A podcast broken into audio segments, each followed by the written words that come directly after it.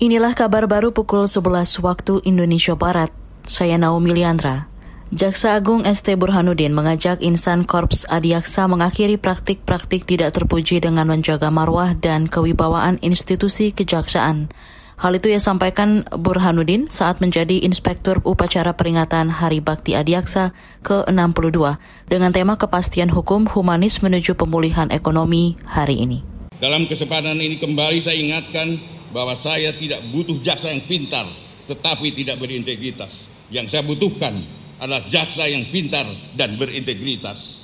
Dan saya yakin bahwa saudara sekalian termasuk jaksa-jaksa yang sangat saya butuhkan.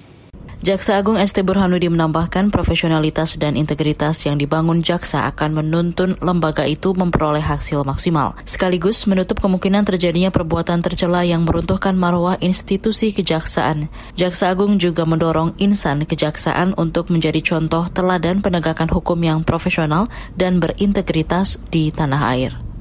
Pemerintah Indonesia menegaskan tidak pernah menyetujui perekrutan pekerja migran Indonesia di Malaysia menggunakan sistem made online atau SMO. Direktur Perlindungan WNI dan Badan Hukum Indonesia Kementerian Luar Negeri, Yuda Nugraha, mengatakan penegasan itu sekaligus membantah klaim Dirjen Imigrasi Malaysia, di mana Indonesia disebut sepakat mengintegrasikan SMO dengan sistem satu kanal perekrutan pekerja migran atau OCS. Keberatan dari Indonesia mengenai dilanjutkannya sistem med online sebagai mekanisme perekrutan dan penempatan pekerja migran Indonesia ke Malaysia karena hal tersebut akan membuat one channel system yang disepakati oleh kedua negara dan kesepakatan ini baru berumur tiga bulan ya, menjadi tidak efektif. Direktur Perlindungan WNI dan Badan Hukum Indonesia Kemenlu Yuda Nugraha mengingatkan sistem made online melanggar nota kesepahaman bilateral.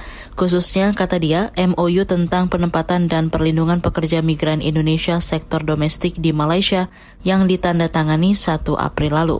Pekan lalu, Indonesia menghentikan sementara pengiriman pekerja migran ke Malaysia. Indonesia khawatir pekerja migran dari negara ini rentan dieksploitasi dengan aturan itu. Satgas Marinir Ambalat 28 dari TNI Angkatan Laut menangkap enam orang, di antaranya tiga warga negara asing yang diduga intelijen asing.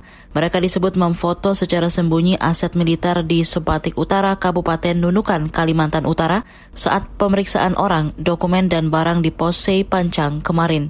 Komandan Pos Sei Pancang, Kalimantan Utara, Victor Aji Hersanto dalam rilis tertulisnya menyebut saat diperiksa ada foto-foto bangunan pos penjagaan militer, patok perbatasan, dan pelabuhan pos lintas batas negara PLBN di galeri telepon seluler enam orang ini. Sementara itu, Komandan Satgas Mar Ambalat 28 Andreas Parsaulian Manalu menyatakan pengambilan foto-foto secara ilegal dapat dijerat dengan Undang-Undang ITE. Satgas Mar Ambalat 28 menyerahkan ke enam terduga intelijen asing lengkap dengan barang bukti foto-foto aset militer TNI ke imigrasi Sebatik. Dilanjutkan dengan penahanan para terduga di kantor imigrasi Nunukan, Kalimantan Utara. Demikian kabar baru KBR, saya Naomi Liandra.